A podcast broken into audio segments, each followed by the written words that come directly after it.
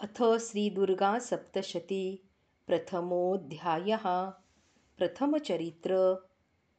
ॐ प्रथमचरित्रस्य ब्रह्मा ऋषिः महाकाली देवता गायत्री छन्दः नन्दाशक्ति रक्तदन्तिका बीजम् अग्निस्तत्त्वं ऋग्वेदस्वरूपं श्रीमहाकालीप्रीत्यर्थे प्रथमचरित्रजपे विनियोगः।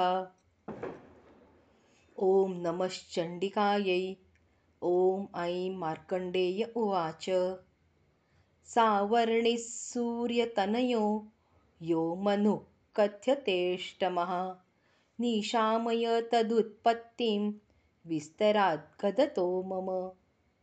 महामायानुभावेन यथा मन्वन्तराधिपः स बभूव महाभाग सावर्णिस्तनयो रवेः स्वारोचिषेऽन्तरे पूर्वं चैत्रवंशसमुद्भवः। सुरथो नाम राजाभूत् समस्ते क्षितिमण्डले। तस्य पालयतः सम्यक् प्रजापुत्रानिवौरसान् बभूवुः शत्रवो भूपा कोलाविध्वंसिनस्तदा श्री मार्कंडेय म्हणाले सावर्णी कुलातील सूर्यपुत्र जो आठवा मनू म्हणूनही ओळखला जाई त्याचा जन्म व चरित्र मी विस्ताराने सांगतो. महामायेच्या प्रभावाने व आशीर्वादाने हा सावर्णी कुलदीपक अत्यंत श्रेष्ठ पदाला पोहोचून तो मन्वंतराचा स्वामी झाला तो प्रसंग असा स्वारोचीस मन्वंतराखाली पूर्वी चैत्रवंशात या पृथ्वीचा सम्राट सुरथ नावाचा राजा राज्य करीत असे. तो सुरथ राजा दयामय सर्व भूत समान मानणारा असल्याने त्याचे आपल्या प्रजेवर अपत्यवत प्रेम होते. पुत्र सेवक दासांना तो पुत्रांचे प्रेम देई. त्या राजाला कोलनगरीच्या कोलविध्वंसी समूहाचे राजे शत्रू होते. तस्य तैरभवत युद्धम अतिप्रबलदण्डिनः। न्यूनैरपि स तैर्युद्धे कोलाविध्वंसिभिर्जितः। ततः स्वपुरमायातो निजदेशाधिपोऽभवत् आक्रान्तः स महाभागस्तैस्तदा प्रबलार्हिभिः अमात्यैर्बलिभिर्दुष्टैर्दुर्बलस्य दुरात्मभिः। कोशो बलं चापहृतं तत्रापि स्वपुरे ततः। ततो मृगया व्याजेन हृतस्वाम्यस्य भूपतिः। एकाकी हयमारुह्य जगाम गहनं वनं। स तत्राश्रममद्राक्षीत् द्विजवर्यस्य मेधसः। प्रशान्तश्वापदाकीर्णं मुनिशिष्योपशोभितम् राजा सुरथ युद्धनिपुण व शूर असूनही संख्येने कमी असलेल्या कोला विध्वंसीकडून युद्धात पराभूत झाला. पराजित पावलेला सुरथ राजा आपल्या राजधानीला परत आला. तेथेही त्याच्यावर तेथील प्रबळ झालेल्या शत्रूंनी राजाचा पराभव केला. पराभूत आणि बलहीन झालेल्या सुरथ राजाला त्याच्या स्वतःच्या राज्यातील मंत्रीगणांनी आणि दुष्टबुद्धी अधिकाऱ्यांनी राजाची धन आणि अधिकार हिसकावून घेऊन राज्याबाहेर हाकलून दिले. स्वतःच्या राज्यातील आपले प्रभुत्व नष्ट झाल्याने सुरत राजा एका निविड अरण्यात घोड्यावर बसून मृगयेसाठी गेला. वनात हिंडताना विप्रवर मेधा ऋषींचा आश्रम राजाने पाहिला जेथे आपल्या स्वाभाविक हिंस्त्र वृत्ती सोडून वाघ सिंहादी क्रूर समजले जाणारे पशु शांत अहिंसक भावनेने वावरत होते. व मुनींचे शिष्यगण त्यांच्याच स्नेहभावाने वागून त्या अरण्याची शोभा वाढवीत होते. तस्थौ कञ्चित्सकालं च मुनिना तेन सत्कृतः. इतश्चेतश्च विचरन्स्तस्मिन् मुनिवराश्रमे. सोचिन्तयत्तदा तत्र ममत्वाकृष्टचेतनः। मत्पूर्वैः पालितं पूर्वं मया हीनं पुरं हि तत्। मद्भृत्यैस्तैरसद्वृत्तैर्धर्मतः पाल्यते न वा न जाने स प्रधानो मे शूरहस्ती सदा मदः। मम वैरी वशं यात कान्भोगानुपलप्स्यते। ये ममानुगता नित्यं प्रसादधनभोजनैः अनुवृत्तिं ध्रुवं तेद्य कुर्वन्त्यन्यमहीभृताम् असम्यग्व्ययशीलैस्तै कुर्वद्भिः सततं व्ययम्। आश्रमात पोचल्यावर सुमेधा ऋषींनी राजाचे आदरपूर्वक आगत स्वागत केले. राजा तेथे काही काळ आपले दिवस शांततेत घालवू लागला. आश्रमातील काळ जरी शांततेत आज असला तरी सुरत राजा आपल्या पूर्वायुष्यातील आठवणींनी बेचैन होई. माझ्या पूर्वजांनी ज्या माझ्या नगराचे नगरवासियांचे पालनपोषण पूर्वी केले त्या नगरीला मी आता परका झालो आहे.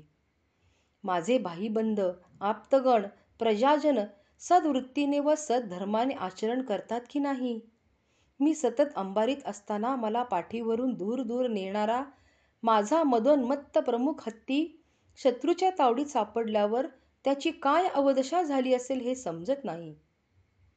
जे लोक माझ्या आश्रयाखाली सुखे नैव भोग व आनंद लुटण्यासाठी माझी पाठीस लागून आर्जव करीत होते माझ्या कृपाकटाक्षासाठी धन भोजनादी सामग्रीसाठी माझा अनुनय करीत ते आता शत्रूच्या हाती सापडून कोणत्या गतीला गेले असतील? त्या निरुद्योगी व लालची लोकांनी नेहमी केलेल्या उपद्व्यापांमुळे विनाकारण खर्च वाढून उधळेपणाला ऊत येत असेल आणि माझ्या त्या पूर्वीच्या राज्याच्या कोश खजिना मुक्तपणे केलेल्या खर्चाने रिकामा झाला असेल. संचितस्सोति दुःखेन क्षयं कोशो गमिष्यती एतच्चान्यच्च सततं चिंतयामास पार्थिव।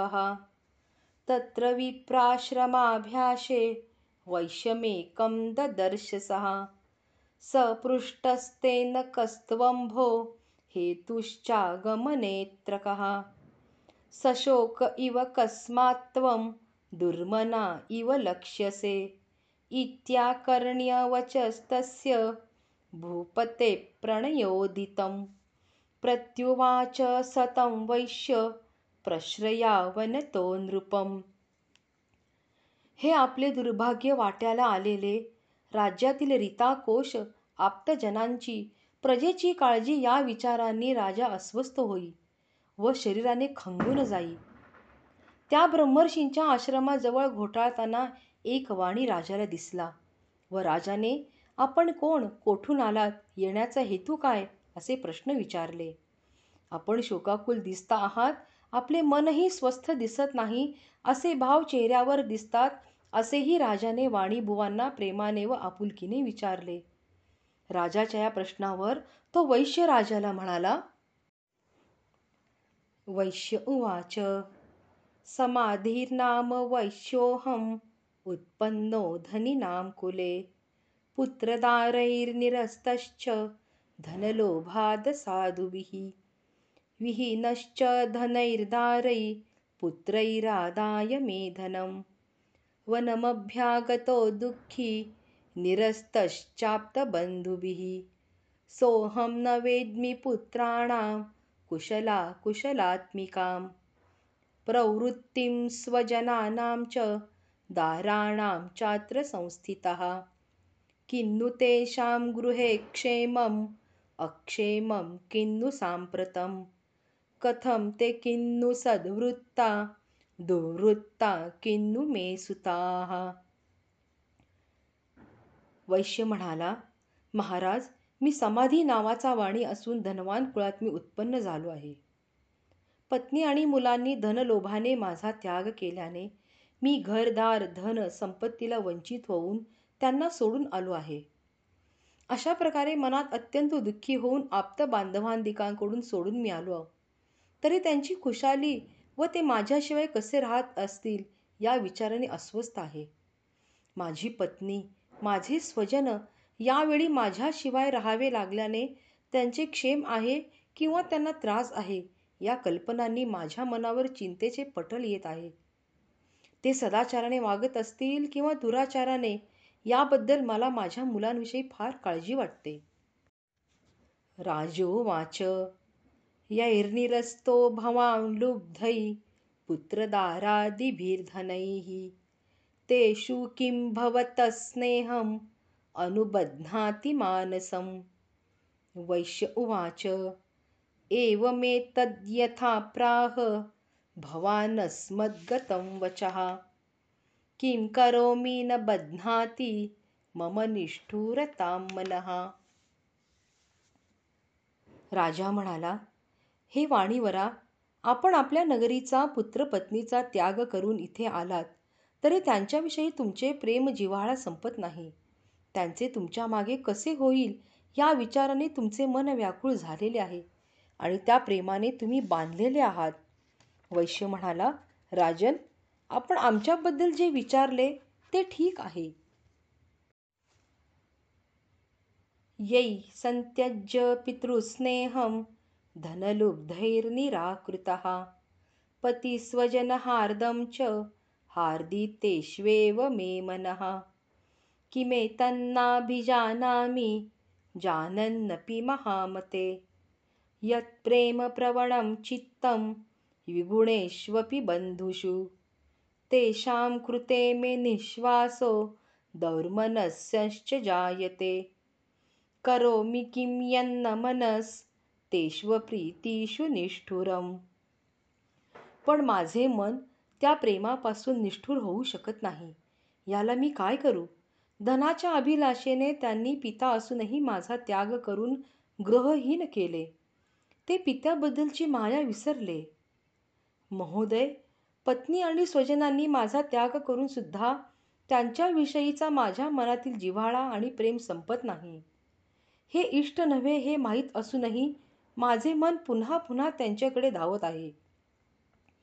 त्यांच्यावरील अतीव प्रेमाने मी आंधळा होऊन त्यांच्या या अविचारी कृतींवर मी दुःखाने वारंवार उदासपणे निश्वास टाकतो आहे. माझे मन त्यांच्याविषयी अनाठाई व्याकुळ होत आहे. आणि काय करावे? निष्ठुरपणाने त्यांना विसरावे किंवा कसे?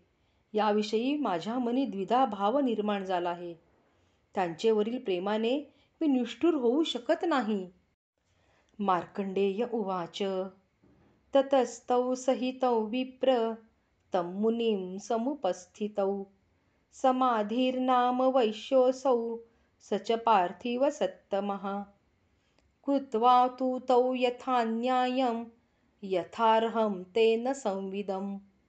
उपविष्टौ कथा काश्चिच् चक्रतुर्वैश्यपार्थिवौ मार्कंडेय म्हणाले अशा परस्पर विरोधी विचारांनी व्यथित झाल्याने दोघेही ब्रह्मर्षी सुमेधा ऋषीकडे उपस्थित झाले. त्यानंतर समाधी वाण्यांसह तो राजा दोघांच्याही मनात आलेल्या संदेहाबद्दलची न्यायभूमिका काय आहे हे विचारण्यासाठी सुमेधा ऋषींकडे आला. ब्रह्मर्षी सुमेधा ऋषींसमोर बसून उभयतांनी आपली कहाणी आणि मनातील व्यथा त्यांना सांगितली. राजोवाच भगवंस्त्वामहं प्रष्टुम् इच्छाम्येकं वदस्व तत्। दुःखाय यन्मे मनस स्वच्चित्तायत्ततां विना। मम त्वं गतराज्यस्य राज्याङ्गेष्वखिलेष्वपि। जानतोऽपि यथाज्ञस्य किमेतन्मुनिसत्तम। अयं च निकृतः पुत्रैर् दारैर्भृत्यैस्तथोज्झितः स्वजनेन च सन्त्यक्तस्तेषु हार्दी तथाप्यति। एवमेष तथाहं च द्वावप्यत्यन्तदुःखितौ दृष्टदोषेऽपि विषये मम त्वाकृष्टमानसौ तत्किमेतन्महाभाग यन्मोहो ज्ञानिनोरपि ममास्य च भवत्येषा विवेकांधस्य मूढता। राजा म्हणाला भगवान आमच्या मनात आलेल्या शंकांचे निरसन करावे. आम्ही विचारतो ते योग्य की अयोग्य याची नक्की दिशा दाखवावी. माझे राज्य राजवैभव मला सोडून गेले असले तरी त्याविषयीचे माझे प्रेम आणि जिव्हाळा माझ्या मनातून जात नाही हे माझ्या मनाला मोठे दुःख आहे. मला राज्यातून हाकलून दिलेले आहे ते आता माझे नाही. हे कळत असूनसुद्धा केवळ प्रेमाच्या आंधळेपणाने आणि मनाच्या दुबळेपणाने मी दुःख करावे का? मुनिश्रेष्ठा ते आम्हाला सांगावे. आप्तगुण बंधू पुत्र भार्या यांनी या समाधी वाण्याचा त्याग करून त्याला नगराबाहेर हकलल्याने तोही असाच त्यांच्याविषयीच्या प्रेमाने अनाठाही व्याकुळ होऊन दुःखी झाला आहे. आम्ही दोघे या व्यर्थ विचारांनी त्रस्त होऊन आपणाकडे आलो आहोत. हा दुर्बळ मनाचा अविवेकी दृष्टिकोन की अनाठाई मायेने आकृष्ट होऊन मनावर आलेली मोहाची झापड याविषयी आमच्या मनातील शंका निरसन कराव्यात. याला अविवेकी वेडेपणा किंवा माझ्या या भावनेला काय म्हणावे? ऋषिरुवाच ज्ञानमस्ति समस्तस्य जन्तोर्विषयगोचरे विषयश्च महाभाग याति चैवं पृथक् पृथक्। दिवान्धा प्राणिनः केचित् रात्रावन्धास्तथा परे। केचिद्दिवा तथा रात्रौ प्राणिनस्तुल्यदृष्टयः। ज्ञानिनो मनुजाः सत्यं किं तु ते न हि केवलम्। यतो हि ज्ञानिनः सर्वे पशुपक्षिमृगादयः ज्ञानं च तन्मनुष्याणां यत्तेषां मृगपक्षिणां। मनुष्याणां च यत्तेषां तुल्यमन्यत्तथोभयोः। राजाचे हे बोलणे ऐकून ऋषी म्हणाले सर्व चराचर प्राण्यांना त्यांच्या त्यांच्या परीने ज्ञान असते. अगदी जीवजंतूंनाही समज असते. हे महाशय नृपवरा परंतु त्या सर्वांचे विषय आणि कारणे निरनिराळी आहेत. त्यांच्यापैकी कुणी दिवाभीत असतात तर कुणी रातांधळे असतात. अशा प्राण्यांची समज भिन्न भिन्न असते. कुणी रात्री आणि कुणी दिवसाही सारख्याच समतल दृष्टीने पाहू शकतात. त्या प्राण्यांपेक्षा माणसाचे ज्ञान विचार आणि समज वेगळी आहे हे बरोबर पण ते काही सर्वस्वी खरे नव्हे. सर्व चराचरांना त्या त्या प्रमाणात ज्ञान आणि समज असते तशी माणसांनाही असते. माणसांची आणि प्राणीपक्ष्यांची समज आणि ज्ञान त्यांच्यापुरती निराळी असते. ज्ञानेऽपि सति पश्यैतान् पतङ्गाञ्छावचञ्चुषु कणमोक्षादृतान् मोहात् पीड्यमानानपि क्षुधा। मानुषामनुजव्याघ्र साभिलाषास्तु प्रति। लोभात् प्रत्युपकाराय नन्वेतान् किन्न पश्यसि। तथापि ममता वर्ते मोहगर्ते निपातिताः। महामायाप्रभावेण संसारस्थितिकारिणा तन्नात्र विस्मयकार्यो योगनिद्रा जगत्पतेः महामाया हरेश्चैषा तया सम्मोह्यते जगत्। ज्ञानिनामपि चेतांसि देवी भगवती हि सा बलादाकृष्य मोहाय महामाया प्रयच्छति। तुलनेने मनुष्य प्राण्यांचे ज्ञान आणि पशुपक्ष्यांचे ज्ञान यात फरक असला तरी असे पहा आपल्या चोचींनी पक्षीगण खाद्य गोळा करतात. असे चोचींनी वेचलेले कण कण खाद्य स्वतः भुकेने पीडित असले तरीही आपल्या चिमण्या शिशूंना आधी भरवतात. तसेच वाघ सिंहादी वनचरांचे आपल्या बछड्यांवर प्रेम असते. माणसांचे तसे नाही. मुलगा मोठा होऊन म्हातारपणी सांभाळील आधार देईल या भावनेने मुलांचा प्रतिपाळ होतो आणि या मोहाच्या लोभाच्या अभिलाषेनेच मानवांचे व्यवहारही होतात. महामायेच्या प्रभावाने या जगाची उत्पत्ती स्थिती चराचरांचे कार्य व त्यांच्या वृत्ती ठरलेल्या आहेत यात शंकाच नाही. भगवान विष्णूही एकदा अशाच घोर निद्रेत असताना महामाया देवीने त्यांना निद्रा संमोहिनेचे पटल काढून टाकून जाग जागे केले. कारण ज्ञानी लोकांची चेतना ज्योत ही स्वयं भगवती देवीच आहे. ती ज्ञानीजनांना बलपूर्वक मायाजाळात घेरते तीच या जगाची जननी आहे. जीवसृष्टीचे चालकत्व आणि नियंत्रण तिच्याकडेच असते. तया विसृज्यते विश्वं। जगदेतच्चराचरं सैषा प्रसन्ना वरदा नृणां भवति मुक्तये। सा विद्या परमा मुक्तेर् हेतुभूता सनातनी। संसारबन्धहेतुश्च सैव सर्वेश्वरेश्वरी। राजोवाच भगवन् का हि सा देवी महामायेति यां भवान्। ब्रवीति कथमुत्पन्ना सा कर्मास्याश्च किन्द्विज। ती ज्ञानीजनांना बलपूर्वक मायाजाळात घेरते. तीच या जगाची जननी आहे. जीवसृष्टीचे चालकत्व आणि नियंत्रण तिच्याचकडे आहे. आणि प्रसन्न झाल्यावर वरदायिनी होऊन मोक्षाचाही लाभ करून देते. ती आदिम सनातन परमविद्यांची अधिष्ठात्री आहे आणि भक्तांचे परम कल्याण करणारे जगदंबा आहे. संसार बंधनातून उत्तम रीतीने तरुण नेण्यास समर्थ असणारी सर्व सर्वेश्वरी आहे. राजा म्हणाला हे भगवान मुनिराज ही माया महामाया कोण आणि तिचा अवतार मूळ स्वरूपात कुठे झाला? तिच्या उगमाची कथा तिचे कार्य तिचा जीवसृष्टीवरील प्रभाव तिचे स्वरूप आणि ती देवी संरक्षक कशी झाली याची सर्व माहिती हे विप्रवर आम्हा सांगावी.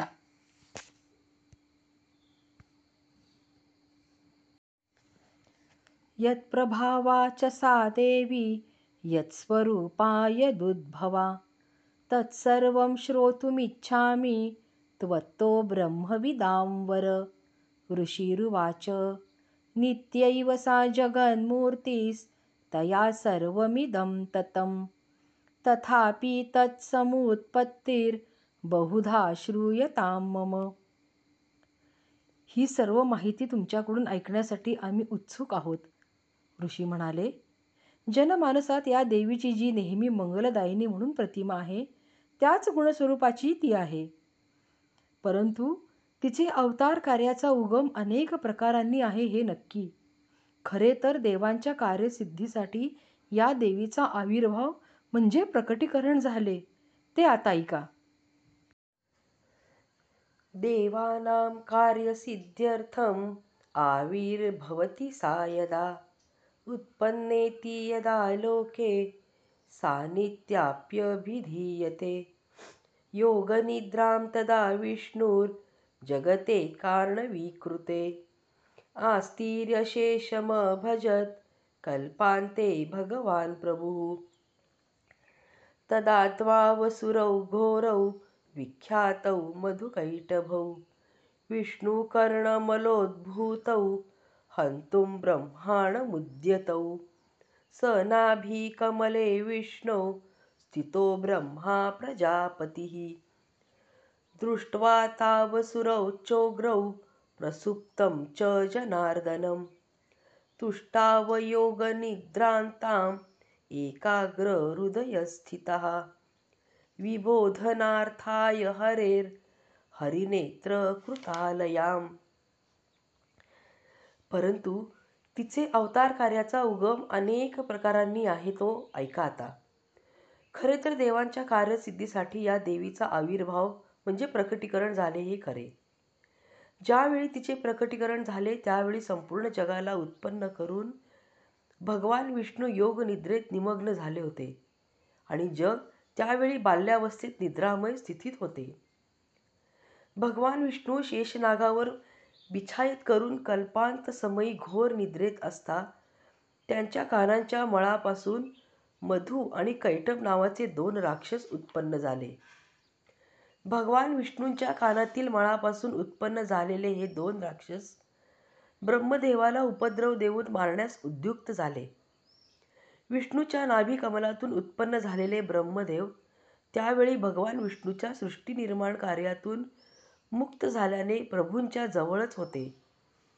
मधु आणि कैटभ हे दोन क्रूर राक्षस चाल करून येत असलेले पाहून ब्रह्मदेवाने भगवान विष्णूवर निद्रापटल घातलेल्या भगवती योग निद्रेला श्री विष्णूंना उठवण्याची विनंती केली आणि करुण स्वराने तिची प्रार्थना केली. हे योग निद्रा माये प्रभूंचे तिन्ही नेत्र उघडण्यासाठी तू त्यांना जागे कर. तू विश्वाची ईश्वरी आहेस जगाची पालन करती अंबा आहेस. तुझ्यामुळे या जगाला स्थिरता लाभते आणि अखेरीस लय आणि संहार करणे तुझ्याच हाती आहे. विश्वेश्वरीं जगद्धात्रीं स्थितिसंहारकारिणीं। निद्रां भगवतीं विष्णोर् अतुलां तेजसप्रभुः। ब्रह्मोवाच।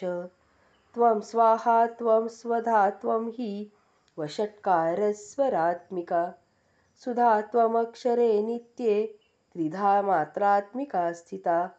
अर्धमात्रा स्थिता नित्या यानुच्चार्या विशेषतः त्वमेव संध्या सावित्री त्वं देवी जननी परा। त्वयैतद्धार्यते विश्वं त्वयैतत्सृज्यते जगत्। त्वयैतत्पाल्यते देवी त्वमत्सन्ते च सर्वदा। हे योग निद्रामाये प्रभूंचे तीन नेत्र उघडण्यासाठी तू त्यांना जागे कर. तू विश्वाची ईश्वरी आहेस जगाची पालन करती अंबा आहेस.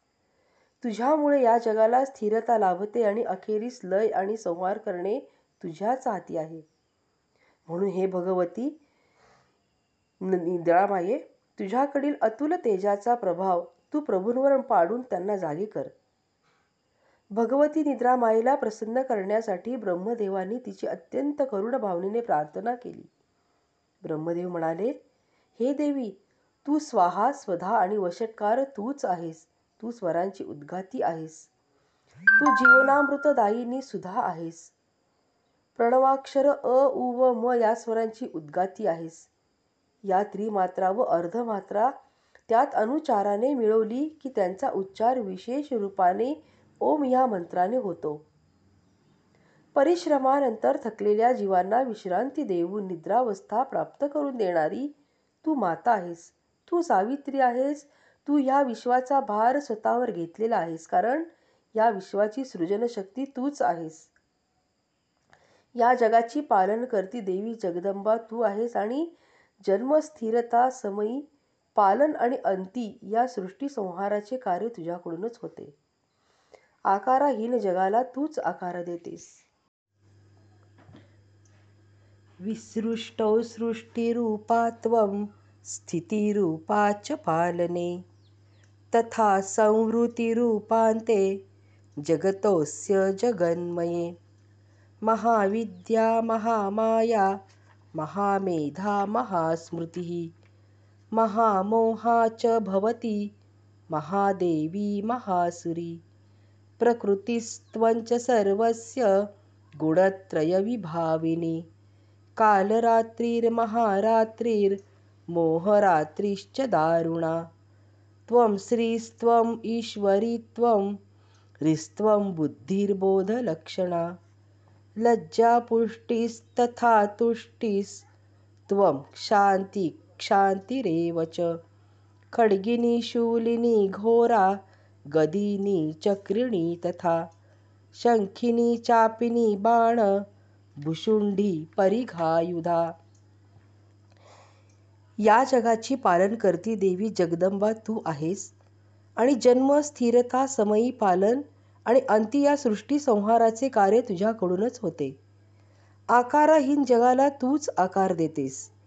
तू संहारक शक्ती असलीस तरीही या जगाची माता आहेस.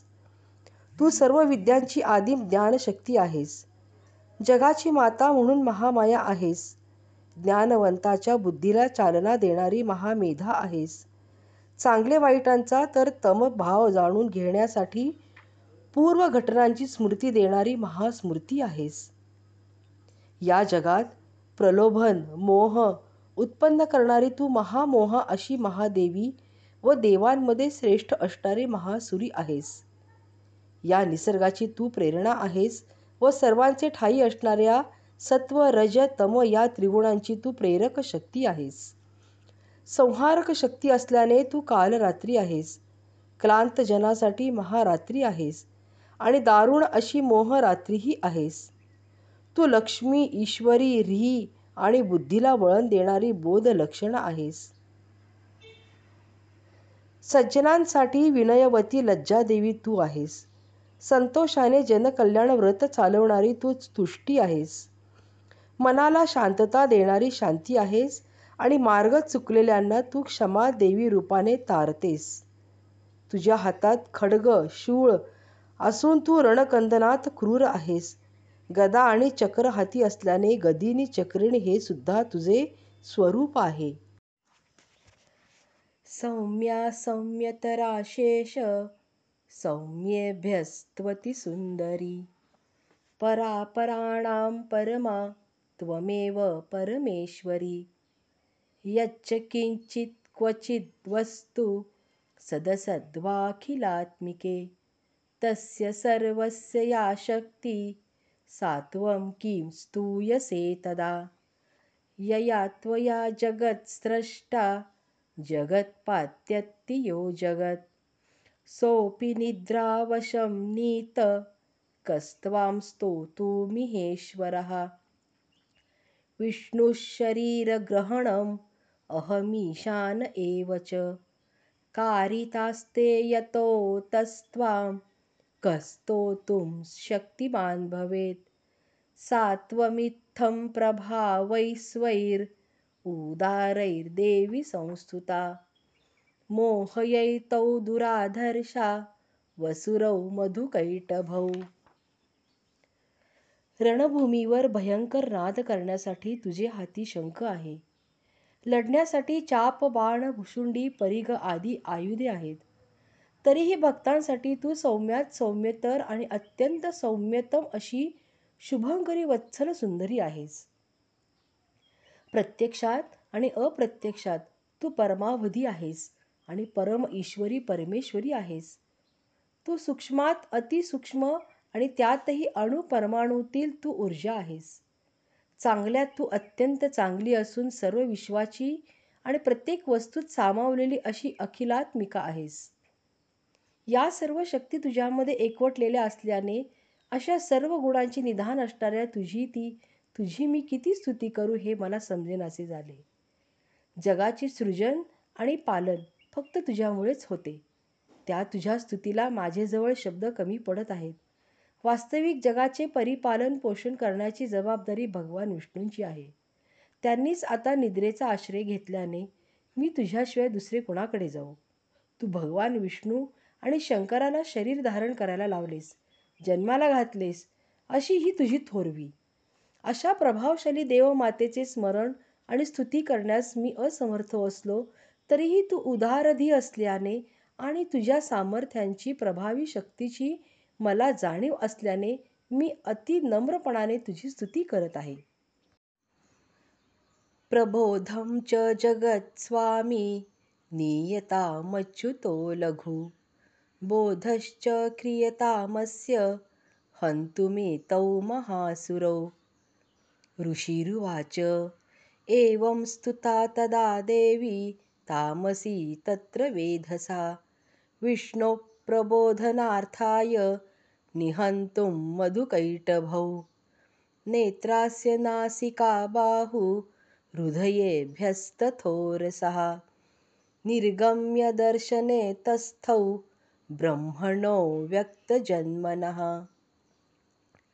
हे देवी हे माझे सहोदर मधु आणि कैटभ राक्षस दुराचारीपणाने मला मारण्यासाठी उत्सुक असून मी फार संकटात आहे भयभीत आहे. तर तू जगत पालन करणाऱ्या जगदीशाला किंचित काळ जागे कर. प्रभूला जागे करून मला मारण्यासाठी माझ्यावर चालून येणाऱ्या या भयंकर दोन्ही राक्षसांना मारून टाकण्यासाठी त्यांना म्हणजेच प्रभूला उद्युक्त कर आणि माझे रक्षण कर. ऋषी म्हणाले याप्रमाणे ब्रह्मदेवांनी रात्री देवीची त्यावेळी स्तुती केली. भगवान विष्णूंना उठवून मधू आणि कैठब या राक्षसांचा संपूर्ण नाश करण्याची तू विनंती कर. त्यावेळी रात्री देवी प्रभूंच्या नेत्र नाक बाहू हृदयातून अव्यक्तातून प्रत्यक्ष रूपाने ब्रह्मदेवासमोर उभी राहिली. उत्तस्थौ च जगन्नाथस्तया मुक्तो जनार्दनः। एकार्णवे हि शयन्नात् ततः स ददृशे च तौ। मधुकैटभौ दुरात्माना वतिवीर्यपराक्रमौ। क्रोधरक्ते क्षणावत्तुं ब्रह्माणं जनितोद्यमौ। समुत्थाय ततस्ताभ्यां युयुधे भगवान् हरिः। पञ्चवर्षसहस्राणि बाहुप्रहरणो विभुः। तावप्यतिबलोन्मत्तौ महामायाविमोहितौ उक्तवन्तौ वरोऽस्मत्तो व्रियतामिति केशवम्. भगवान जगन्नाथाच्या सर्व अवयवातून बाहेर पडलेली रात्री देवी व्यक्त रूपाने नवजन्म झाल्याप्रमाणे उभी राहिल्यानंतर भगवान विष्णू निद्रापाशातून मुक्त होऊन जागे झाले. एकार्णवाच्या गाढ निद्रेतून जागे झाल्यावर प्रभूंनी अतिपराक्रमी पण दुराचारी व दुरात्मा असणाऱ्या मधू आणि कैठभ या राक्षसांना पाहिले. ब्रह्मदेवाला मारण्यासाठी करीत असलेले राक्षसांचे चाळे त्यांनी पाहिले व ते रागाने व संतापाने लाल झाले. उठून प्रभूंनी राक्षसांशी घोर युद्धास आरंभ करून शस्त्रमारांनी त्यांचा संहार करण्याची शर्थच केली. मधू आणि कैठभ राक्षसांची प्रभूंचे हे युद्ध पाच हजार वर्षे चालली. शेवटी महामायेने त्यांना मोहाच्या जाळ्यात अडकविले. कारण त्या बळाने उन्मत्त झालेल्या राक्षसांचा वध करणे भगवंतालाही अशक्य झाले. मोहाच्या आवरणाखाली आल्यानंतर मात्र आपण अजिंक्य आहोत असे वाटून व भगवान विष्णूच्या दुर्दम्य पराक्रमावर खुश होऊन ते म्हणाले प्रभू आम्ही आपल्यावर प्रसन्न आहोत. आमच्याकडून वर मागून घ्यावा. श्री भगवानुवाच भवेत्यामद्य मे तुष्टौ मम वध्याउभावपि किमन्येन वरेणात्र एतावद्धिवृतं मम। ऋषिरुवाच वञ्चिताभ्यामिति तदा सर्वमापोमयं जगत्। विलोक्य ताभ्यां गदितो भगवान कमलेक्षणः भगवान म्हणाले पुत्रांनो तुम्ही जर खरोखरच माझ्या पराक्रमावर संतुष्ट झालेले असाल तर तुमचे मरण माझ्या हातून घडावे असा वर मला द्या. याशिवाय माझ्यासाठी मी तुमच्याजवळ दुसरे काय मागावे? ऋषी म्हणाले अशा प्रकारे मोहाच्या आवरणाखाली आल्याने दोन्ही राक्षस फसले. त्यावेळी पृथ्वी पाण्याच्या आवरणाखाली आलेली त्यांना दिसली. आवां जहीन यत्रोर्वी सलिलेन परिप्लुता। ऋषिरुवाच तथेत्युक्त्वा भगवता शङ्खचक्रगदाभृता कृत्वा चक्रेण वैच्छिन्ने जघने शिरसि तयोः। एवमेषा समुत्पन्ना ब्राह्मणा संस्तुता स्वयं। प्रभावमस्या देव्यास्तु भूयः शृणु वदामि ते। ऐं ॐ इति श्रीमार्कण्डेयपुराणे सावर्णिके मन्वन्तरे देवीमाहात्म्ये मधुकैटभवधो नाम प्रथमोऽध्यायः। ते पाहून राक्षस भगवान विष्णूला म्हणाले पिताजी ज्या ठिकाणी पाहण्याने हे जग वेढलेले नसेल अशा कोरड्या स्थानी आपण आमचा वध करावा. सुमेधा ऋषी नंतर म्हणाले असे ऐकल्यावर त्या दोन्ही राक्षसांना आपल्या मांडीवर घेऊन शंख चक्र गदाधारी श्री भगवान विष्णूंनी आपल्या हातातील चक्राने त्यांची डोकी कापून त्यांचा वध केला. अशा प्रकारे प्रत्यक्ष ब्रह्मदेवालाही संकटात सापडल्यावर स्वतः देवीला शरण जावे लागले. ती प्रत्यक्ष अवतीर्ण झाली व ब्रह्मदेव तिच्या प्रभावाने संकटमुक्त झाले. देवीने यानंतर केलेल्या अनेक प्रमा पराक्रमांचे प्रसंग मी यापुढे वर्णन करून सांगतो ते ध्यानपूर्वक ऐकावे. ऐं ओम. अशी ही मार्कंडेय पुराणातील सावर्णिक मन्वंतर काळातील मधुकैटभवध नावाची पहिली कथा.